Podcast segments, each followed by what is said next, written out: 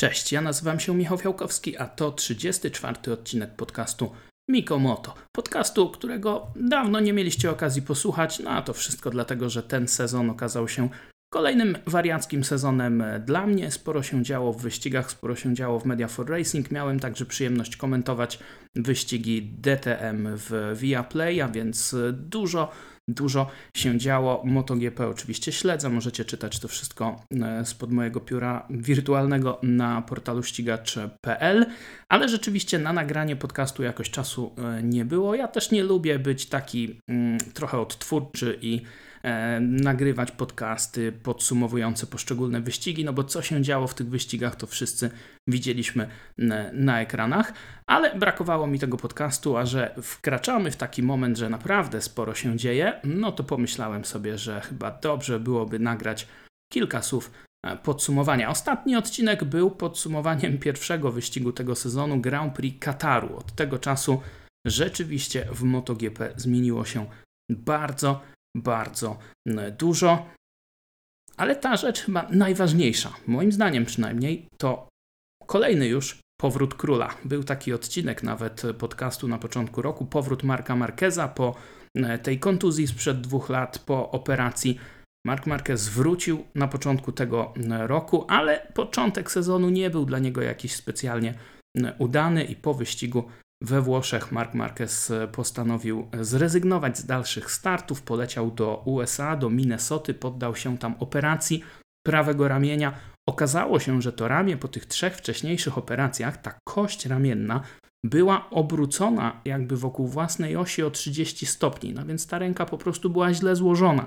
E, I Mark Marquez miał e, z tym bardzo duże problemy w prawych zakrętach przede wszystkim. Mówił, że nie może układać takiej pozycji ciała jakby chciał, że ta jazda nie sprawia mu przyjemności i stwierdził krótko: albo poddam się operacji i to wszystko wróci do normy, albo dalsza jazda po prostu nie ma sensu. Więc e, zniknął nam na ponad 3 miesiące Mark Marquez, no ale wrócił. Wrócił podczas Grand Prix e, Aragonii, no i to naprawdę wrócił Mark Marquez e, z hukiem, bo od razu pokazał świetne tempo, a w wyścigu niestety trochę e, narozrabiał, wystraszył się tam zaraz po starcie, po świetnym zresztą starcie zawodników, którzy jechali przed nim. E, przymknął gaz, wpadł w niego Fabio Quartararo. Wiemy, pamiętamy te wszystkie kontrowersje. Znów otwarty kombinezon, pękł zamek w tym kombinezonie Francuza. Szybko było wyjaśnienie, że to była kwestia tego drugiego uderzenia przez motocykl, a nie tego pierwszego uderzenia o e, asfalt. No ale tak czy inaczej, Mark Marquez wrócił i to był taki powrót z mieszanymi odczuciami, można powiedzieć, bo z tamtego wyścigu musiał się wycofać. No, a my wszyscy zadawaliśmy sobie pytanie, czy rzeczywiście Mark Marquez ma to tempo, żeby powalczyć znów e, w czołówce, czy stary dobry Marquez faktycznie wrócił. Odpowiedział nam e, na to pytanie Hiszpan podczas kolejnej rundy w Japonii. Tam na deszczu wywalczył pole position, a na suchym torze finiszował na czwartej pozycji. Wtedy problemem była głównie nie do końca dobra decyzja dotycząca tylnej opony, mieszanki tylnej opony. Później mieliśmy Tajlandię, trudne, zmienne warunki, mokry, przesychający tor. No i Mark Marquez finiszujący na piątej pozycji. Ale ostatni wyścig myślę, że rozwiał wszystkie wątpliwości. Ostatnim wyścigiem było Grand Prix Australii na torze Phillip Island, wracającym do kalendarza po dwóch latach covidowej e, przerwy. No i ten wyścig był naprawdę, moim zdaniem, najlepszym wyścigiem tego sezonu. Bardzo dużo się działo. My zadawaliśmy sobie wszyscy takie pytanie, chyba jak z kondycją Marka Marqueza, bo on cały czas mówił o tym, że nie mógł trenować przez te e, tygodnie po operacji, długo wracał do zdrowia, że ta jego prawa ręka jest osłabiona. E, nie tylko e, ta kość, ale przede wszystkim te wszystkie mięśnie wokół niej są osłabione. No i obawiał się Mark Marquez tego, czy da radę utrzymywać takie szybkie wyścigowe tempo. Okazało się, że jak najbardziej dał. W Australii, która jest bardzo wymagającym fizycznie torem, Mark Marquez pokazał kapitalną walkę z Alexem Rinsem. Alex Rins był jednak górą i powiem Wam szczerze, że to ostatnie okrążenie moglibyśmy rozbić na czynniki pierwsze i poświęcić mu cały osobny odcinek podcastu, bo tam działy się prawdziwe cuda w każdym zakręcie. to jak oni blokowali przód, jak ślizgali tyłem, jak się podnosili na wyjściach z zakrętów, żeby ten pojedynek wygrać. Górą był Alex Rins, Phillip Island to jest taki tor, który e, sprzyja takim motocyklom jak Suzuki, motocyklom, które się dobrze, łatwo, lekko prowadzą. No i tutaj Alex Rins był w stanie utrzymać Marka Marqueza e, za sobą, wywalczyć piękne, pożegnalne zwycięstwo e, dla Suzuki, które jak pewnie wiecie, wycofuje się z MotoGP razem z końcem tego sezonu. Wielka szkoda, ale już wiemy, że Alex Rins znalazł dla siebie nowy dom, podobnie zresztą jak jego kolega e, Juan Mir. Alex Rins będzie startował w przyszłym roku właśnie e, na Hondzie. Mir w zespole Repsol Honda, Rins w zespole LCR Honda. No i Mark Marquez pytany też o to e, w Australii powiedział: Nie, nie, ja żadnych tutaj wskazówek nie będę mu dawał, wcale mu jak najlepiej nie życzę, no bo to byłoby fałszywe, bo to będzie mój rywal. No i to pokazuje, słuchajcie, że Stary, dobry Marquez wrócił. Myślę, że w przyszłym sezonie będzie walczył o mistrzowski e, tytuł, będzie walczył o e, zwycięstwa. No kto wie, może o te zwycięstwa powalczy jeszcze w tych dwóch ostatnich wyścigach tego sezonu. Podium na torze Phillip Island było jego setnym w MotoGP, a więc e, jubileuszowym. No i fajnie, że ten król wrócił, sześciokrotny mistrz świata, bo brakowało tego, jeśli chodzi o widowisko. No ale król królem. Pod jego nieobecność, pod nieobecność Marka Marqueza mieliśmy e, swojego rodzaju bezkrólewie i e, za chwilę poznamy nowego mistrza. Tytułu mistrzowskiego broni oczywiście Fabio Quartararo i powiem Wam szczerze, że jeszcze kilka wyścigów temu byłem przekonany, że tego pojedynku nie da się przegrać, jeśli jesteś Francuzem. Teraz nie wiem, czy on może tę walkę jeszcze w jakikolwiek sposób wygrać. No a wszystko to dlatego, że e, druga połowa sezonu w wykonaniu Fabio Quartararo to jest jakieś nieporozumienie. E, po raz ostatni na szczycie podium Fabio Quartararo stał e, w Grand Prix Niemiec i tamten wyścig był też drugim wyścigiem z rzędu, którego nie ukończył Peko Baniaja, zawodnik Ducati.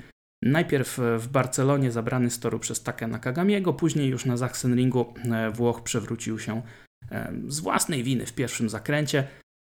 No i na tym etapie sezonu jego strata do Fabio Quartararo wynosiła aż 91 punktów. Nikt nigdy z tak dużą stratą nie był w stanie później tego odrobić i wywalczyć mistrzowskiego tytułu, zarówno w MotoGP, jak i w Formule 1. A więc na tym etapie sezonu wydawało się, że jest już pozamiatane. No a jakby tego było mało, była jeszcze ta wakacyjna alkoholowa wpadka, gdzie e, Peko Baniaja totalnie napruty wsiadł po imprezie e, gdzieś tam na Ibizie za kierownicę samochodu, wypadł z drogi na rondzie. No fatalnie e, to wszystko zostało też rozegrane wizerunkowo przez Ducati. Niektórzy mówią, że kara powinna być tutaj bardzo surowa, także sportowa. Myślę, że wizerunkowo takiej kary e, zdecydowanie tutaj zabrakło, zabrakło jakichś działań ze strony e, Ducati. No ale zostawmy już to, bo e, przed nami druga połowa sezonu, w której te role kompletnie się odwróciły. Peko Baniaja, nie licząc tych wyścigów, których nie ukończył w Le Mans, w Barcelonie i w Niemczech, od Grand Prix Hiszpanii, a więc od piątego wyścigu tego sezonu, praktycznie nie schodzi z podium.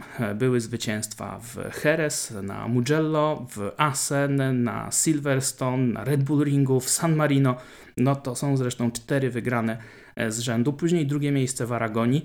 Wywrotka w Japonii, która była taka no, typowa w stylu starego Pekobania i zawodnika, który w zeszłym roku nie trzymał presji, popełniał głupie błędy w takich momentach, kiedy stawka była naprawdę wysoka ale później już bardzo dojrzała jazda e, w Tajlandii. No tutaj niektórzy mogą powiedzieć i mają rację, e, że Jean Zarco tam jechał za Pekobaniają, nie wyprzedzał, zresztą Francuz się sam do tego przyznał, że nie chciał tam ryzykować. E, w Australii też były takie momenty podczas wyścigu, gdzie tam jechali zawodnicy Ducati za Peko i nie specjalnie się palili do ataku. No i to jest to, co nam się pewnie nie podoba, takie polecenia zespołowe, chociaż Ducati mówi, że tego oficjalnie póki co nie ma. Peko mówi, że on chce ten tytuł wygrać sam, nie chce żadnej pomocy. No ale jak przychodzi co do czego, to na taką pomoc rzeczywiście może liczyć i będzie mógł liczyć również w tych dwóch ostatnich wyścigach e, tego sezonu. E, Fabio Quartararo takiej pomocy mm, nie ma, ponieważ trzech pozostałych zawodników Yamahy, Franco Morbidelli, Darren Binder i teraz już nie Andrea Dovizioso, jak jeszcze na początku sezonu, a Cal Crutchlow, oni są gdzieś tam daleko z tyłu. Powiem wam, że Franco Morbidelli to jest dla mnie jakaś zagadka. On cały czas mówi o tym, że widzi jakieś światełko w tunelu, tylko że to cały czas jest pociąg, który pędzi w jego stronę, e, a nie żadne światełko nadziei. To jest dramat. Nie rozumiem tego, nie wiem dlaczego Yamaha e, nie potrafi tutaj postawić jakiejś kropki, nie potrafi tego uciąć, nie potrafi wprowadzić jakiejś zmiany. Uwielbiam Franco Morbidellego, ale on kompletnie sobie na tym motocyklu nie radzi. Tu trzeba coś zmienić i i troszeczkę brakuje, mam wrażenie, Yamasze Kochone żonkowo boją po tym, co działo się e, w zeszłym roku z Maverickiem Vinalesem, no ale sami sobie e, kopią ten dół coraz głębszy e, i myślę, że będzie im ciężko z niego wyjść w przyszłym roku. No ale zostawmy to. Peko Baniaja kończy dwa ostatnie wyścigi na podium i tym sposobem odrabia te 91 punktów straty na dwa wyścigi przed końcem sezonu. Peko Baniaja ma dwa punkty, dwa, 14 punktów przewagi nad Fabio Quartararo na 50 możliwych do zdobycia. To oznacza, że już w ten weekend w Malezji Peko Baniaja ma szansę na e, przypieczętowanie mistrzowskiego e, tytułu. No i wcale bym się nie zdziwił, gdyby tak to się właśnie e, zakończyło, chociaż nie ukrywam, że liczę na to, że ten tytuł rozstrzygnie się w Walencji, że rozstrzygnie się po pięknej walce a nie w jakichś kontrowersyjnych okolicznościach. Pamiętacie ten sezon 2015? Nie ma co do tego wracać. Jorge Lorenzo, Marc Marquez, Valentino Rossi, niektórzy mówili, Marquez pomagał. Pamiętamy też, że Lorenzo tam hamował w środku zakrętu, żeby grupę spowolnić. No różne cudawianki się działy, ale zostawmy już ten temat. Przejdźmy do Fabio Quartararo, bo to, co się dzieje od wyścigu w Holandii, to jest nie do wyjaśnienia wręcz e, dla mnie. Były dwa zwycięstwa, Katalonia i e, Silverstone. Później nieukończony wyścig, gdzie Fabio Quartararo troszeczkę dał się ponieść emocjom, zaatakował Alejsza Espargarowasen, zaliczył wywrotkę. Później już na własny rachunek zaliczył kolejną wywrotkę, no i wyścig bez punktów. Silverstone dopiero ósme miejsce, w Austrii druga pozycja to był niezły wynik, później San Marino Mm, piąta pozycja. No i ten pechowy Aragon, który, jak wiemy, Mark Marquez, e, w którym nam troszeczkę namieszał. No a później wyścigi poza Europą. Japonia dopiero ósma pozycja, Fabio Quartararo mocno niepocieszony, a następnie Tajlandia i wyścig ukończony bez punktów. I po tym wyścigu wydarzyły się takie rzeczy, które sprawiły, że chyba nie tylko mi, ale wielu z Was pewnie zapaliła się taka czerwona lampka. Hmm, czy on faktycznie jest w stanie ten tytuł dowieść do mety? Fabio Quartararo mm, przejechał ten wyścig w Tajlandii na mokrym torze, przesychającym później, kompletnie bez tempa. I on już miał takie wyścigi, chociażby właśnie Wasen, gdzie tego tempa nie było. Były takie wyścigi w poprzednich sezonach, gdzie zupełnie nie radził sobie na takim przesychającym torze. E, no a później Australia i e, najpierw błąd w czwartym zakręcie, później w drugim wywrotka, wyścig bez punktów. E, w Tajlandii po wyścigu Fabio Quartararo zsiadł z motocykla, wyszedł z boksu, nie chciał rozmawiać absolutnie z nikim. Tam był jakiś cytat w informacji prasowej e, Yamahy, taki bardzo ogólny, no ale ja też takie prasówki pisałem dla zespołów, także i z Mistrzostw Świata i, i wiem doskonale i widzę to, e, że ten cytat po prostu był wymyślony przez e, rzeczniczkę prasową zespołu, która tam akurat za Fabio Quartararo odpowiada. Dopiero Fabio porozmawiał z nami, wszystkimi dziennikarzami, wami, kibicami po dwóch tygodniach przed Grand Prix Australii. Przeprosił za to, że że tam gdzieś tam tych nerwów nie był w stanie opanować i, i z Tajlandii po prostu uciekł. E, w Australii po tym nieudanym wyścigu już zobaczyliśmy innego Fabio. On mówił o tym, że tak, no wie jaka jest sytuacja, w ogóle nie myśli o tytule, tylko chce się dobrze bawić. I to nie będzie powtórka z 2020 roku. No i teraz co się wydarzyło w 2020 roku? Wydarzyło się to, że Fabio Quartararo na finiszu sezonu był drugi w generalce, walczył o tytuł z Juanem Mirem i e, Frankiem e, Morbidellim, ale kompletnie się pogubił, zaczął się przewracać, no i zamiast drugiego miejsca był na ósmej pozycji. w tabeli. Później pracował z psychologiem, gdzieś tam podkreślał, że to zostało opanowane, teraz też o tym mówi. Mówi, że on ma w głowie poukładane, on na siebie presji nie nakłada i nie będzie powtórki sprzed dwóch lat. Ja mam wątpliwości, ale nie chodzi wcale o to, że Fabio mm, ma te problemy z głową, nie trzyma ciśnienia. Chodzi o to, że nie ma amunicji, żeby walczyć z Peko Baniają, bo dzisiaj Ducati jest zdecydowanie najlepszym motocyklem w stawce. Tych motocykli jest dużo, każdy chce nimi jeździć. Yamaha jest mało i Yamaha ma bardzo duże problemy. Brakuje jej mocy, a teraz a właściwie nawet nie teraz, bo o tym mówili już i Rosji, i Winiales w poprzednich latach. Cały czas M1 brakuje tej przyczepności, tej trakcji w zakręcie, na wyjściu z tego zakrętu, szczególnie kiedy te opony się już e, trochę zużyją. No i kiedy Fabio Quartararo nie ma tej amunicji, musi cisnąć, musi jechać naprawdę na limicie. Ważne są tutaj bardzo kwalifikacje. Jak się dobrze zakwalifikuje, może jechać z przodu to jest ok. Jak jedzie za kimś, to znowu skaczą te ciśnienia. Mm, to jest też ten problem, który pamiętamy z mm, Jerez de la Frontera chociażby. Mm, I w takiej sytuacji Fabio Quartararo po prostu zaczyna popełniać błędy. Tak było właśnie w Australii, kiedy to przestrzelił hamowanie do czwórki, no bo musiał po prostu cisnąć, żeby dotrzymać kroku rywalom. Później była ta wywrotka w drugim zakręcie, znów musiał cisnąć w środku zakrętu, bo tam Yamaha jednak tego czasu trochę zyskuje. I tak to się skończyło nie inaczej. 14 punktów straty do Peko Baniai. No cóż, jeżeli Baniaja wygra wyścig, Fabio Quartararo dojedzie do mety poza pierwszą czwórką, no to jest pozamiatane i Baniaja jest mistrzem. Przed nami Malezja, dwie długie proste, tor mocno leżący e, Ducati, zresztą podczas testów przed sezonem najszybszy był tam Enea Bastianini. Ducati mamy w stawce kilka szybkich, jest Jack Miller, jest właśnie Bestia, no i obawiam się, że może być już w niedzielę e, po zabawie. Obym się mylił, obyśmy mieli jeszcze fajne widowisko do samego końca e, sezonu, ale niestety e, dzisiaj Fabio nie jest faworytem w tym pojedynku moim zdaniem. Nie jest natomiast jedynym zawodnikiem, który jeszcze o ten tytuł walczy, bo Pamiętajmy, że na trzeciej pozycji jest Aleix Espargaro, który ma 27 punktów straty do Peko Bania i 13 do Fabio Quartararo. Kilka wyścigów temu mm, Aleix był na naprawdę dobrej drodze, żeby o ten tytuł walczyć. Dzisiaj, no jeżeli dojedzie do mety za e, Baniają w e, niedzielnym wyścigu w Malezji, niezależnie od tego, jakie to będą e, pozycje, to już Aleix Espargaro z tej walki o tytuł odpada. I Powiem Wam szczerze, że mm, obawiałem się takiego scenariusza i przewidywałem to już przed wyścigiem w Japonii. Dlaczego? Przez trzy ostatnie lata mm, mieliśmy realia covidowe, nie mieliśmy tych wyścigów poza Europą.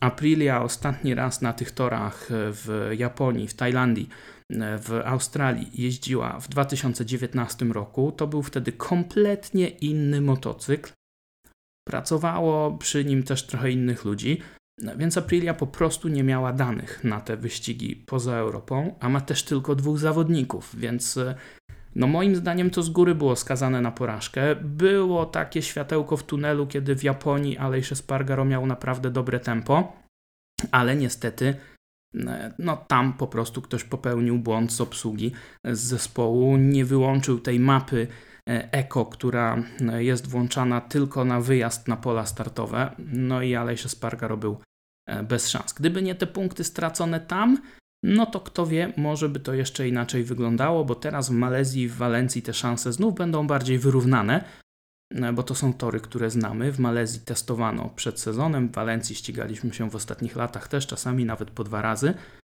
ale tak czy inaczej obawiam się, że Alejsz tutaj e, jest w najgorszej sytuacji z tej, e, z tej trójki. No, może nas zaskoczy. Natomiast ewidentnie Aprilia zrobiła bardzo duże postępy i ciekawe, jak sobie poradzą w przyszłym roku. To jest taki zespół, na który warto mieć e, oko, chociaż pytanie, jak ta utrata koncesji na nich wpłynie, no bo widzimy, jak wpłynęła na KTM. Alejsz nie jest też e, ostatnim zawodnikiem jeszcze w grze, bo matematyczne szanse ma Enea Bastianini. Traci do Peko Baniai 42 punkty na 50 możliwych do zdobycia. No to jest tak zwany long shot i to bardzo, bardzo long, e, bo tutaj musiałyby się wydarzyć jakieś bardzo e, złe rzeczy, nie raz, a dwa z całą tą pierwszą trójką, żeby bestia był w stanie coś tutaj zrobić.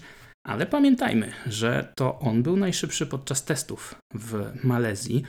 Wtedy fabryczna ekipa korzystała z tych motocykli e, z nowymi silnikami. Dopiero po tamtym wyścigu Peko Baniaja stwierdził, nie, on chce wrócić na te stare, więc nie wiem ile oni tutaj też mają danych, e, jeśli chodzi o Peko i Jacka Millera. E, no i tutaj może się okazać, że Enea Bastianini będzie górą w tym wyścigu, no ale to i tak może być za mało. Zobaczymy.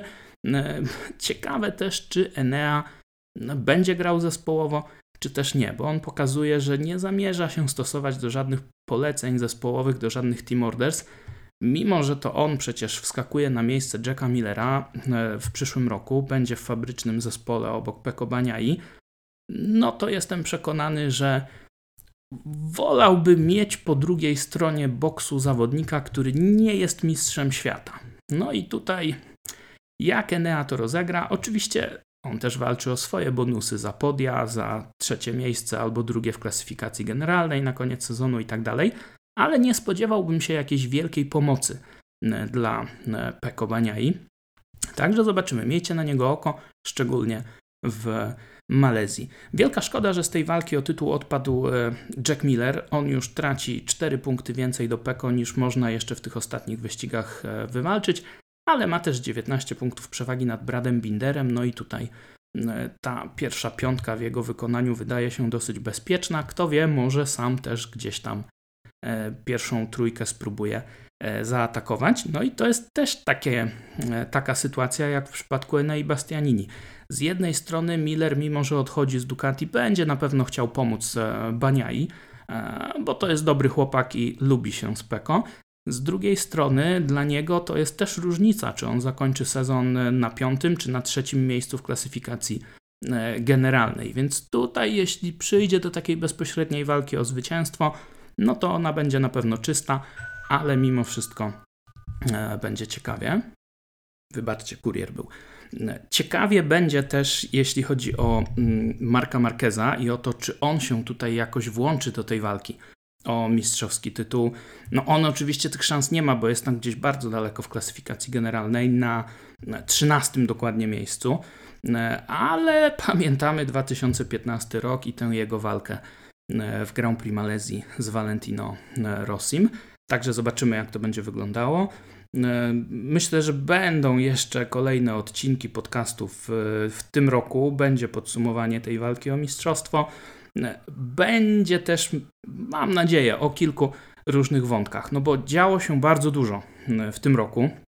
Wycofanie Suzuki, większy kalendarz, wyścigi sprinterskie, e, roszady przed sezonem 2023. Myślę, że to wszystko to są fajne wątki na tę zimową przerwę, na ten okres pomiędzy wyścigami. Potem oczywiście przyjdzie wiosna i będą prezentacje, e, więc coś tam pewnie jeszcze uda się E, nagrać.